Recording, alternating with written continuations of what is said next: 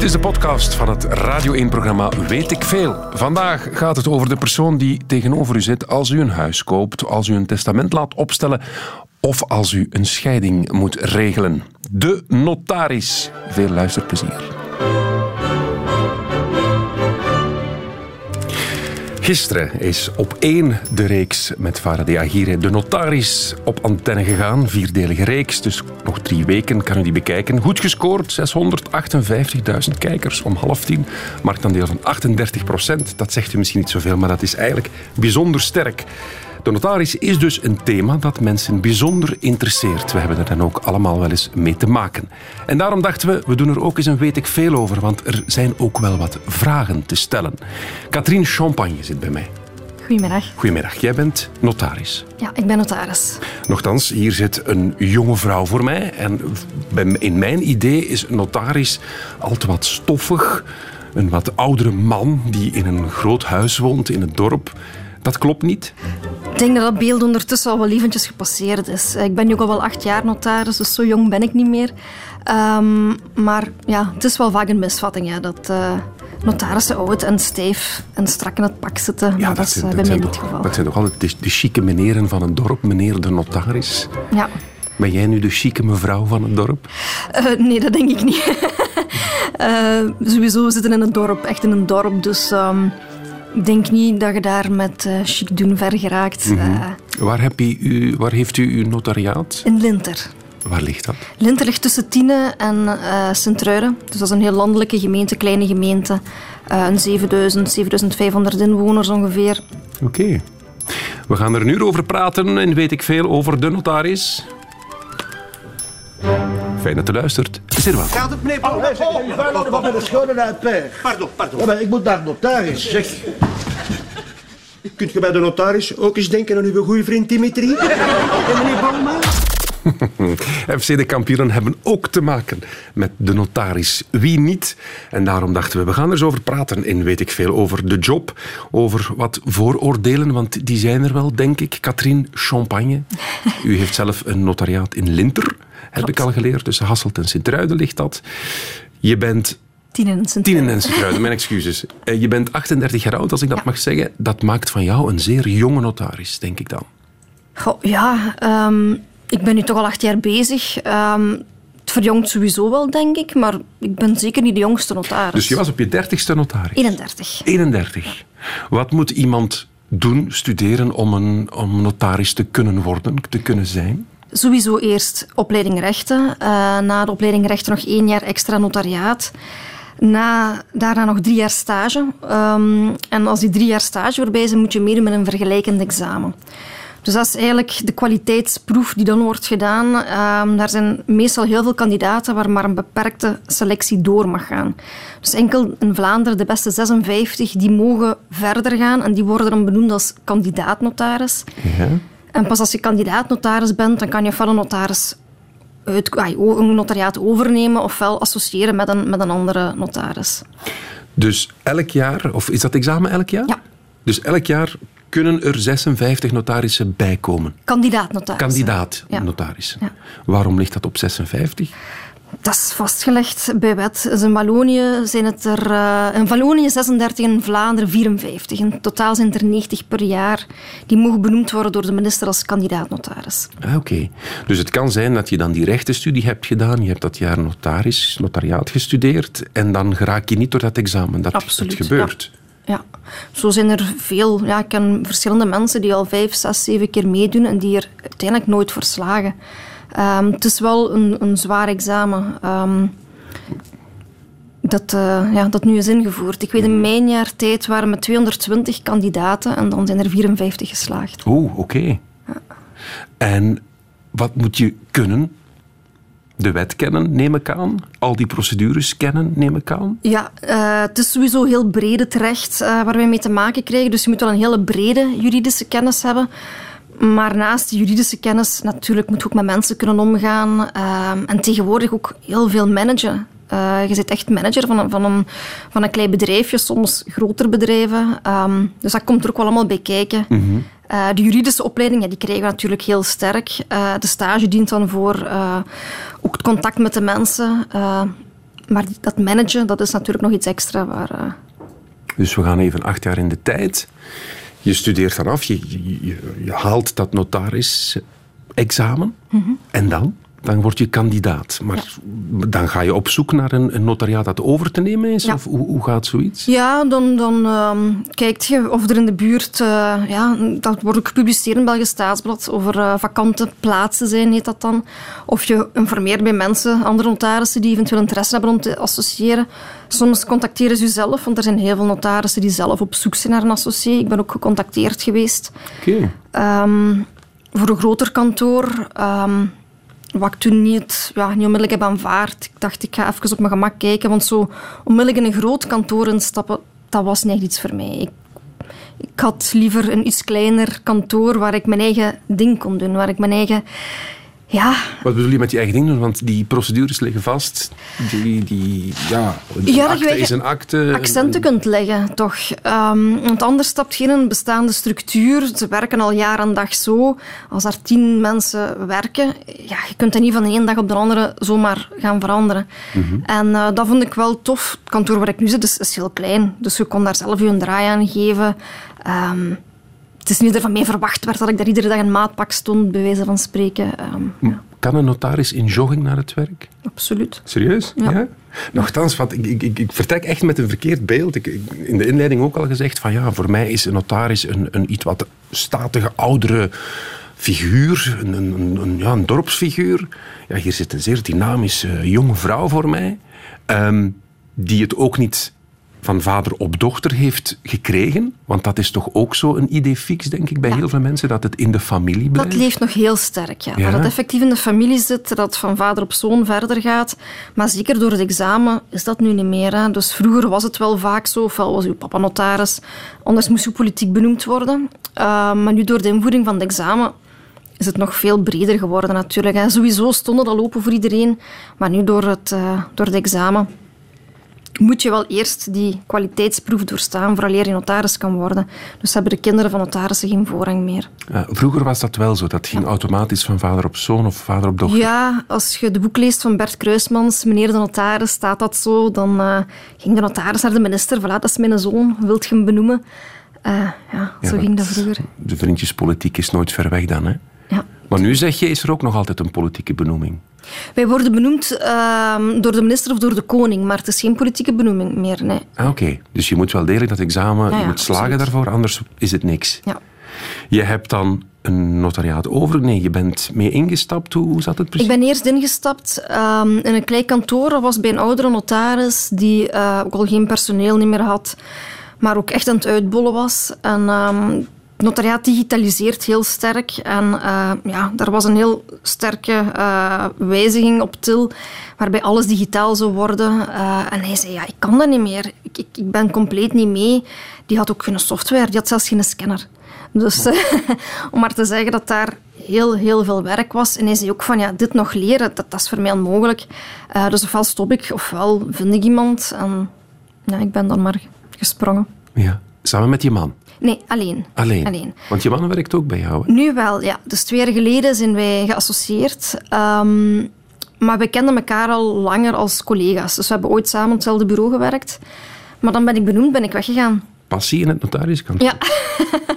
ja, tussen de actes en de testamenten, zeg. Maar uh, ja, het is zo stilletjes aangegroeid. Met een man kun je ook niet die krijgt je niet gehaast. Ik zal het zo zeggen. Um, dus dat is heel stilletjes aan gegroeid. En ik ben er ook weggegaan um, toen ik benoemd werd. En dan heb ik het twee jaar alleen gedaan. En um, dan is hij mijn eerste medewerker geworden. Maar toen waren we wel een koppel. Oké. Okay. Ja.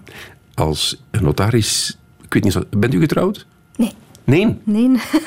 Heeft u met uw man wel al iets afgesproken dan? Ja, we hebben wel uh, onze zaken geregeld via testament. En een zelfzorgvolmacht heb ik al. Ja. Dus dan zit je voor jezelf een testament op te stellen? Ja. ja. Dat, dat, lijkt me heel raar, nee? Goh, ik ben daar nogal mannelijk in, denk ik. Ik ben er heel nuchter in. Um, ja, ik heb dat gedaan, ook met mijn verleden. Uh, ik moest er ook geopereerd worden. Ik dacht, ik breng het in orde dat dat op punt staat. En ja. Is, is, dat iets wat u aan iedereen zou aanraden, een testament opstellen? Toch aan veel mensen. Het hangt ervan af. Het is heel persoonlijk. Um, het hangt volledig af van uw situatie. voor veel mensen kan het wel nuttig zijn, maar het kan vooral niet slecht zijn om een keer te gaan informeren of het nodig is. Als je getrouwd bent, is het niet nodig. Dat biedt de beste bescherming.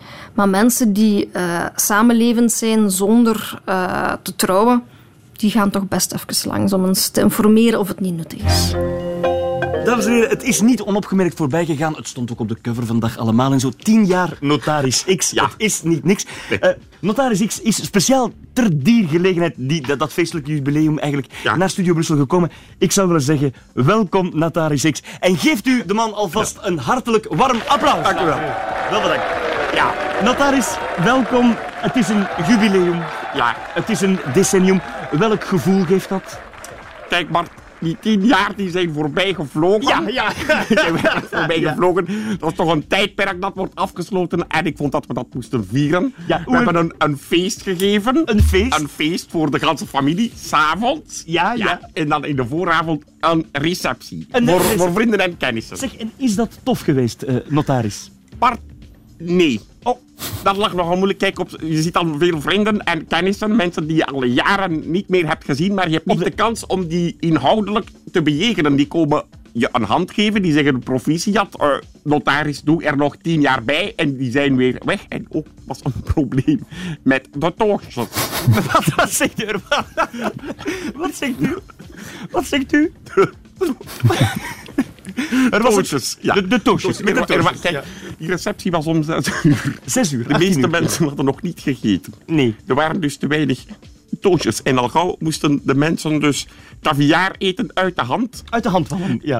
dus ja. vispaté met de wijsvinger uit zijn potje schrapen. Ja. Omdat dus de, de bodembedekkende koekten ja. op waren. Ja.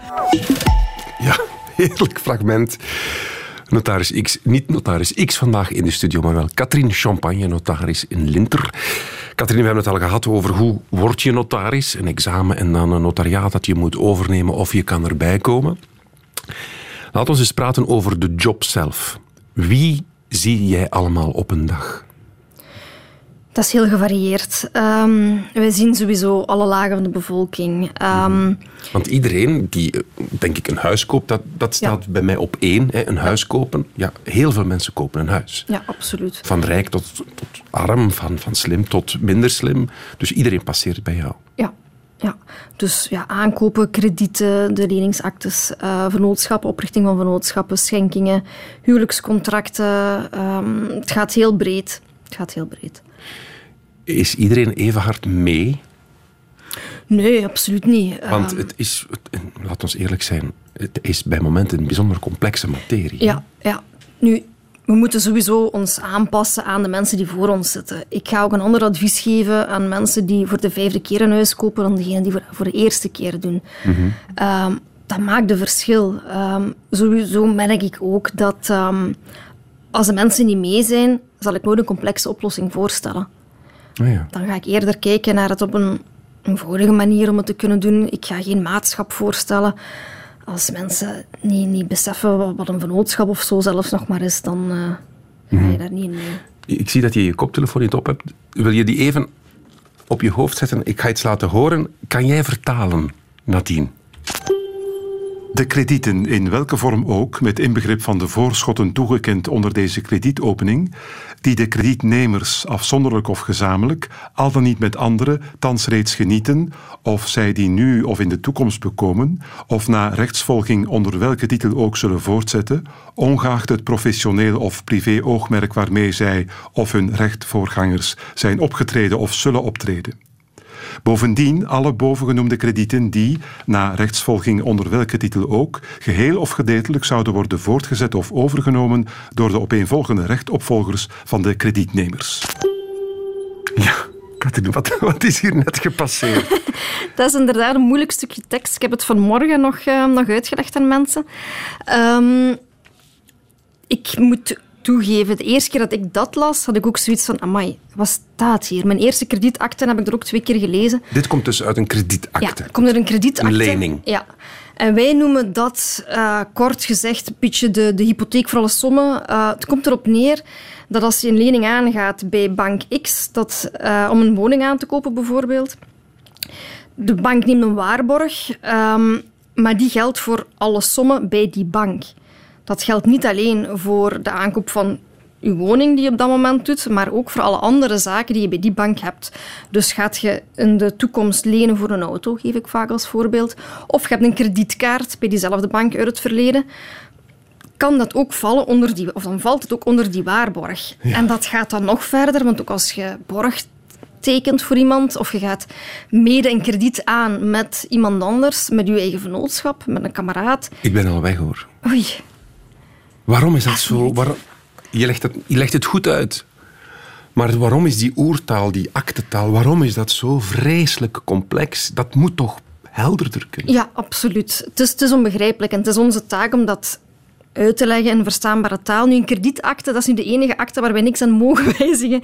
Dat zijn eh, teksten die wij van de bank krijgen en die Ah, mogen wij niet aanpassen. Maar het is dan wel aan, aan, aan jou om, om dit in mensentaal te gaan vertalen. Ja.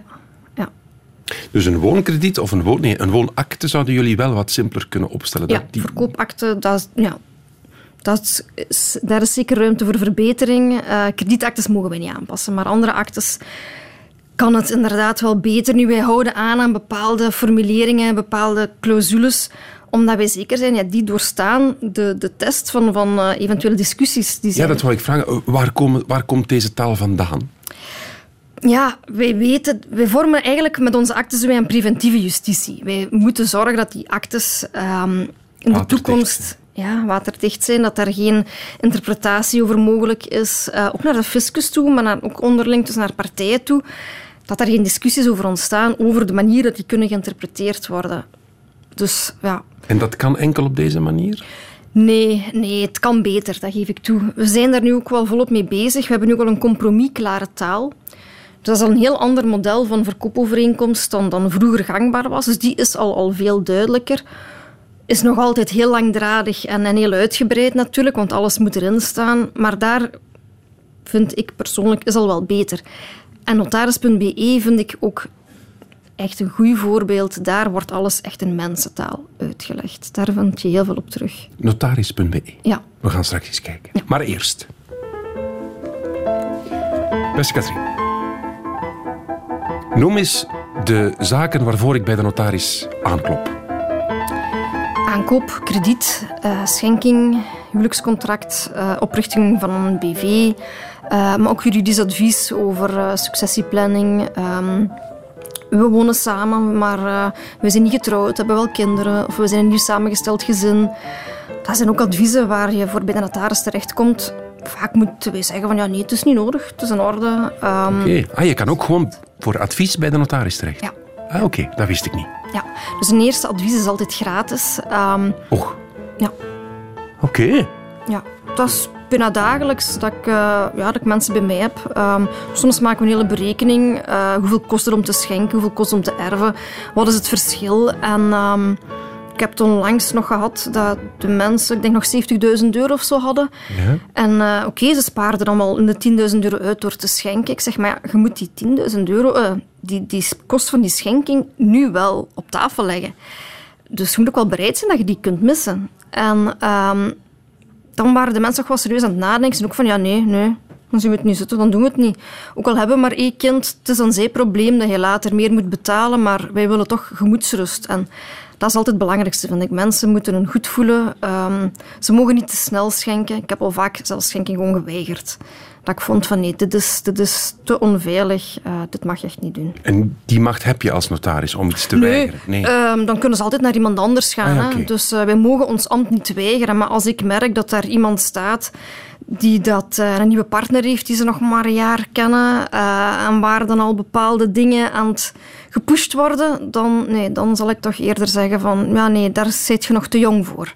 Er kan nog veel te veel gebeuren als die relatie stuk loopt. Wat gaat je dan doen? Dan, dan, Ah, Oké. nee, dus, dus je mag wel ook je mening geven. ja, ja, wij moeten, het is ons taak om de mensen te beschermen. Hè. Maar ik dacht dat het puur notaris, dat het van notuleren kwam, van ik schrijf op wat deze mensen willen. Vroeger ja, was het veel meer, ja, het is nog altijd zo, maar vroeger was het wel sterker. Maar eh, ons taak is vooral dat we de mensen ook beschermen tegen zichzelf en dat ze weten wat ze doen. Dat ze de gevolgen vooral kennen van hetgeen dat ze doen. Ja, ja, je hebt het opgelijst, hè, van, van actes tot, tot eh, leningen en wat is het allemaal. een, een huis aankopen, een akte, een woonakte, is dat 80% van uw tijd? Of, of hoe, hoe zou je dat indelen? Nee, het is minder. Het is minder.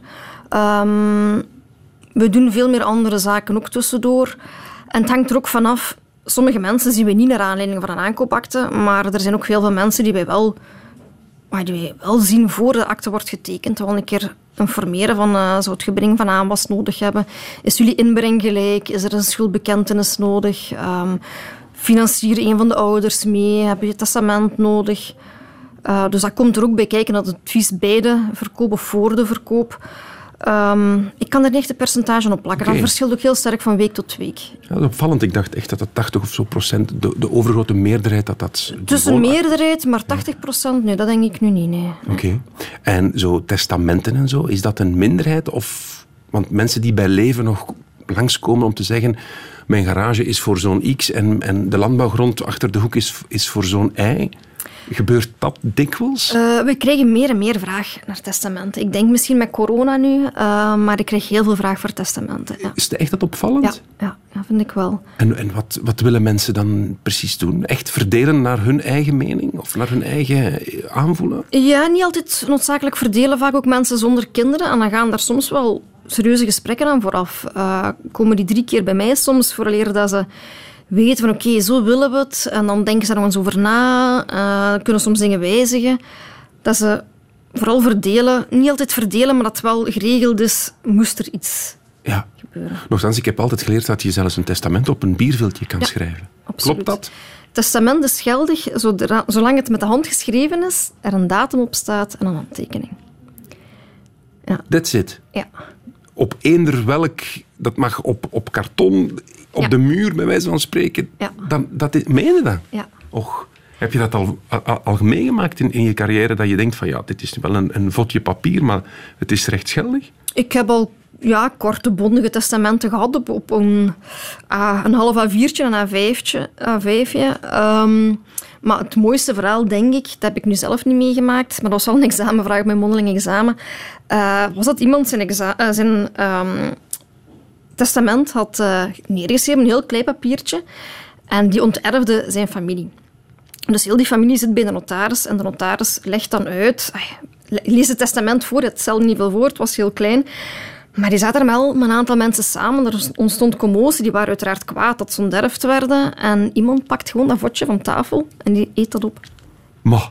Ja, dus het testament weg. En dan ja, had de notaris wel een probleem natuurlijk. Praktische tip voor mensen die naar de notaris... uh, een goede notaris zal nooit een testament zo op tafel laten liggen. Toch zeker het origineel niet. Nee. Ah, dus daar wordt dan... Dat leer je dan van laat dat ja. nooit binnen handbreiden. En als ze dan toch eisen van het origineel te zien, dan uh, wordt dat onder een glasplaat gelegd. Echt? Ja.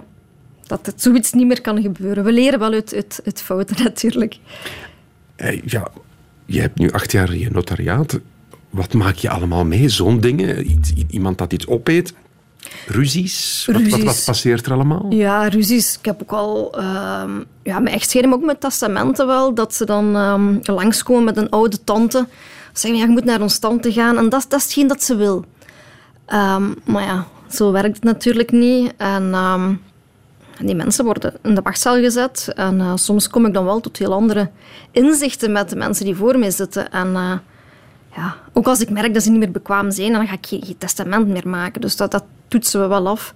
Maar um, ja, soms dus... zijn er mensen niet tevreden, omdat achteraf blijkt dat de tante toch een ondertestament had gemaakt natuurlijk. Mm -hmm. Dus iemand die niet meer voor reden vatbaar is door ziekte of, of door ouderdom, kan geen testament meer opstellen. Dan gelden gewoon de wettelijke regels. Ja, ja. Dus okay. sowieso moet je bekwaam zijn om een akte te kunnen tekenen. Als je niet meer bekwaam bent, kan je toekoer geen akte meer tekenen. Dus eigenlijk wel een tip. Het is niet zo leuk om over na te denken, maar regel het ja. vooraleer dementie of ik zeg maar wat overneemt. Ja. Dat is zeker met de zorgvolmachten nu sterk aan de orde. Er wordt nu ook veel meer gedaan. Uh, dat mensen soms bij ons komen als iemand al dement is. Ja, dan is het te laat. Je moet dat op voorhand regelen voor, uh, voordat je dement bent. Of, of in een coma. Het kan soms onverwacht gaan. Hè. Tuurlijk. Binnen. Ah, dag Jozef.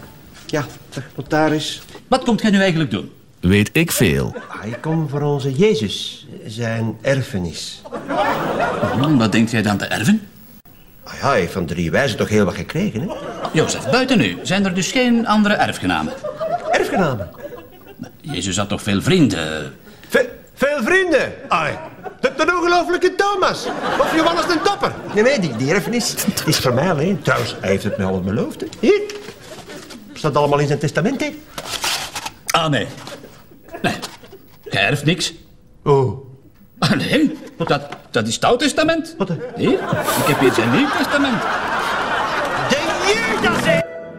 Ja, dankjewel Jacques Vermeijren. Het gaat over de notaris en weet ik veel vandaag met Katrien Champagne. Notaris in Linter. We hebben al veel bijgeleerd. Dat je, als je niet akkoord bent met het testament dat is opgesteld, dat je het gewoon moet opeten. dat het dan weg is. En dat het sindsdien altijd onder een glazen plaat wordt aangeboden aan de, ja, de betrokkenen. Wat een verhaal. Als ze het origineel willen zien. Ja. Ik heb het nog nooit moeten doen, hè, dat mensen het niet geloofden, maar... eh, Ongelooflijk. Maar laten we nu eens even naar de kern van de zaak gaan. Ik heb al een paar keer een appartement of een huis gekocht en verkocht. En dan valt mij altijd op, ja lap, daar zijn ze, de notariskosten. Kan je gewoon procentueel, ik koop een huis, hoeveel betaal ik aan de notaris? Want dat is de laatste tijd wat veranderd, dacht ik. Die Ja, registratierechten. registratierechten. Waar zijn we nu? Ehm, nu is er een heel groot verschil gekomen tussen uw eerste aankoop eh, van uw eerste eigen woning of een, een tweede aankoop of een bouwgrond ehm, waar je niet zelf gaat wonen. Eh, het is nu zo verlaagd dat uw eerste aankoop maar 3% registratierechten meer kost. Is dat dan ook, zitten in die registratierechten ook de notariskosten? Nee. Ah, oké. Eh, dus de kosten bij notaris bestaan altijd een- uit een aantal zaken. Je hebt de registratierechten, dat is meestal de grootste brok. eh, zeker als het niet uw eerste aankoop is. Eh, je hebt hypotheekrechten om de akte over te schrijven of kosten op het hypotheekkantoor. Het heeft nu een nieuwe benaming, maar die ga ik u besparen. Ehm, je hebt de aktekosten, de erelonen en dan BTW. Recht op geschrift is ook nog een kleine kost. Ja, maar dat, dat is geen inkomen voor, voor jou. Nee, dan moeten wij doorstorten. Jij stort dat door. Wat blijft er dan over voor jou? De erelonen. De ereloon. De eerlonen zijn voor ons en een stukje van de aktekosten, afhankelijk van het dossier. Eh, maar de eerlonen, dat is eigenlijk de vergoeding voor ons werk. Ja. En hoe wordt dat bepaald, dat ereloon?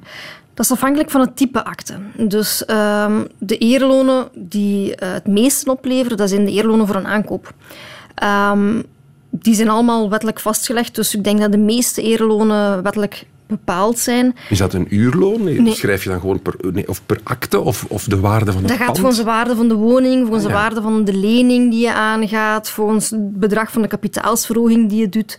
Dus dat ligt allemaal wettelijk Ah, vast. Ja. Dus ik koop een huis van 150.000 euro of ik koop een huis van een miljoen. Jij verdient meer op dat miljoen. Ik verdien meer op het miljoen, maar dat gaat niet, in verhouding niet zo heel veel meer zijn. Omdat onze erelonen, het percentage daalt naarmate dat de prijs stijgt. Ah, oké. Dus een huis boven de 250.000 euro, daarboven stijgen onze eerlonen nog maar heel weinig. Eh, ik dacht 0,057 procent. Dus als je nu een huis koopt van 250.000 euro of een van 350.000 euro, dan hebben we zeven- 57 euro extra. En wat is het ereloon op die 250.000 euro? Dat weet ik nu niet van buiten. Ongeveer. Eh, ik denk rond de 2400, zoiets, ehm, te wat- verdelen tussen de notarissen. En wat, ah, ah ja, want de beide partijen hebben een... Hebben, dus dat is dan 50-50 verdeeld gewoon? Eh 45, 55 procent.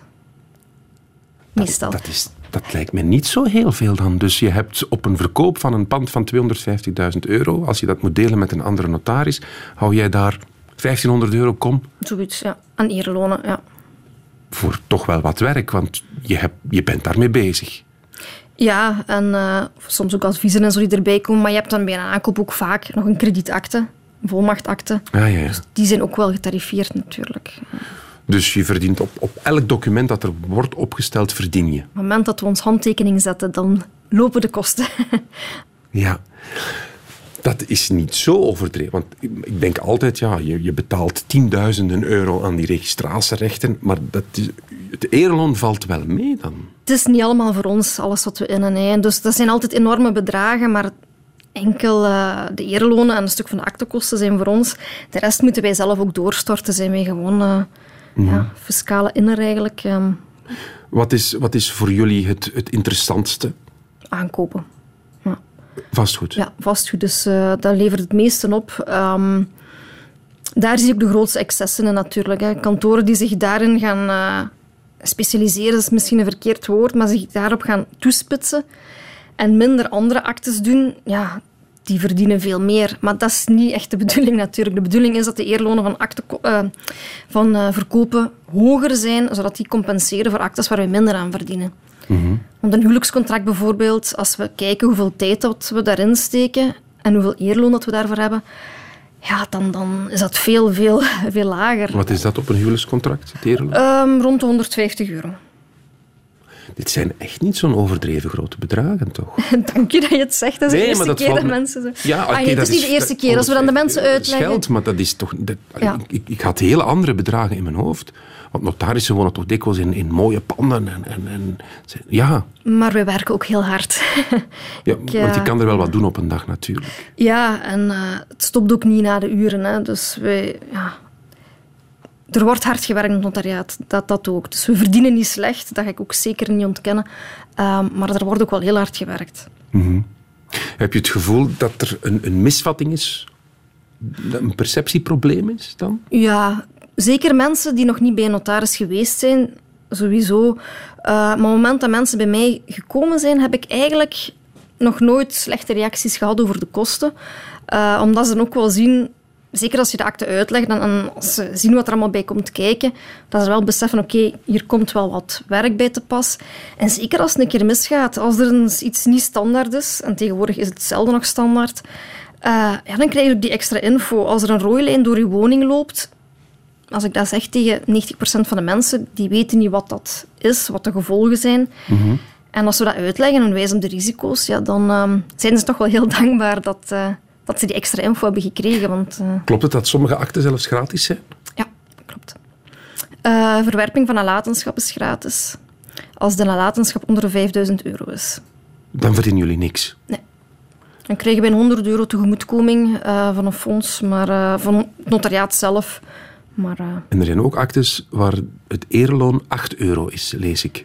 Eh, dat dateert nog uit, eh, uit die wet op de eerlonen van in 1980. Eh, dus dat is van toen, dat was het minimum eerloon.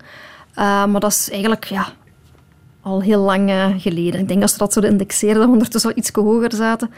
Ehm, dat komt natuurlijk niet meer zoveel voor, want dan gaan we... Want ook niet alle actes zijn getarifeerd. En dan gaan we daar zelf met de mensen een eerloon over afspreken. Of ja, toch ergens een compensatie doen, want anders gaan we onze kantoren moeten sluiten, vrees ik. De tijd is genadeloos, maar ik wil wel graag nog even over het digitale karakter praten. Want ehm, als ik het goed heb, bidit.be, dat is nu een, eh, een website waarop je kan bieden op woningen die openbaar verkocht worden. Dat, dat is vanuit de, vanuit de notarissen. Ja. Die bidit. Dat, dat is van notaris.be. Of, of hoe zit Eh, dat? dat is vanuit ja, de notaris. Dus notaris hebben monopolie op openbare verkopingen van vastgoed. Ja. Dus wij zijn de enige die openbaar mogen verkopen. Vroeger was dat op café of in een verkoopzaal. Ehm, maar dan kregen we vaak kritiek dat... eh, ja, dat was voor mensen heel tijdrovend. Als je een, kantoorjob hebt, moest je al een halve dag of twee keer een halve dag verlof gaan nemen om er op café te gaan zitten, om te kunnen bieden. Vaak had je die woning dan niet, dus daar hadden wij heel weinig kandidaten voor. Ehm, Mensen kenden dat ook niet altijd. Altijd dezelfde mensen die dan wel kwamen. En nu met het digitale kan het gewoon vanuit uw zetel. Dus eh, Verdienen jullie daar dan aan als een soort makelaar? ja, dus, eh, Ah ja, daar kunnen jullie ook... Dus dat is ook een eerloon dat, dat wettelijk is vastgelegd. En dat ligt hoger dan de standaardverkoop wel. Ja. Dan zijn jullie ook op dat vlak een beetje makelaar. Jullie gaan Ja. die economische Het activiteit... is op een andere manier, maar eh, wij gaan nooit ehm, op dezelfde manier een pand gaan verkopen natuurlijk. Wij gaan niet zeggen, oh, topwoning, super in orde, dak is in orde, terwijl we weten, daar zijn gebreken aan. Wij zullen de mensen eerder wijzen op de gebreken. Ja. Ehm, En mag je zelf dat pand kopen en dan renoveren en doorverkopen? Nee, nee, nee, Want nee, jullie nee. zitten aan de bron van de koopjes. hè? tuurlijk, nee. Dus wij mogen niet kopen, en zelfs onze medewerkers mogen niet kopen ehm pand dat wij openbaar te koop hebben. Ah, oké. Maar jullie kunnen... Ah ja, ja. De markt moet, moet spelen. Ja, ja, wij kunnen niet met voorkennis... eh, nee, dat zou, eh, dat zou niet eerlijk zijn.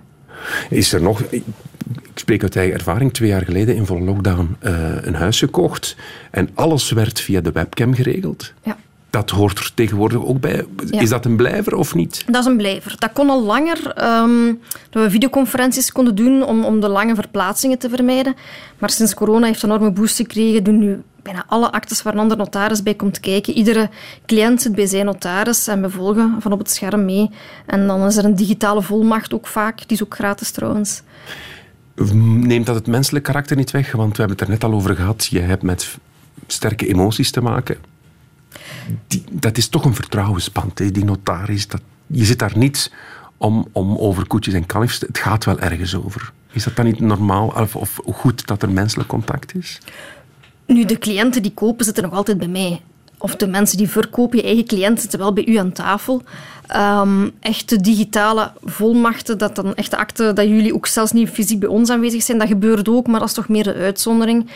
En dat zullen mensen ook minder snel doen als een eerste aankoop is. Oké. We moeten bijna afronden, Katrien. Is dit je job voor je leven? Ben je notaris voor het leven? Of kan je zeggen, ik, ik stop ermee? Je kan stoppen. Als je Oké. ja. Er zijn verschillende notarissen die eerder stoppen, omdat de werkdruk toch wel heel zwaar is. Ehm, dus dat kan. Maar in principe gaan wij door tot 70. Dan moeten we op pensioen, om het zo te zeggen. Maar ehm, wij mogen ook eerder stoppen. Radio 1. Weet ik veel? Dit is het einde van deze podcast van Weet ik Veel. Weet ik Veel is trouwens een programma van Radio 1. Op radio1.be vindt u nog veel meer.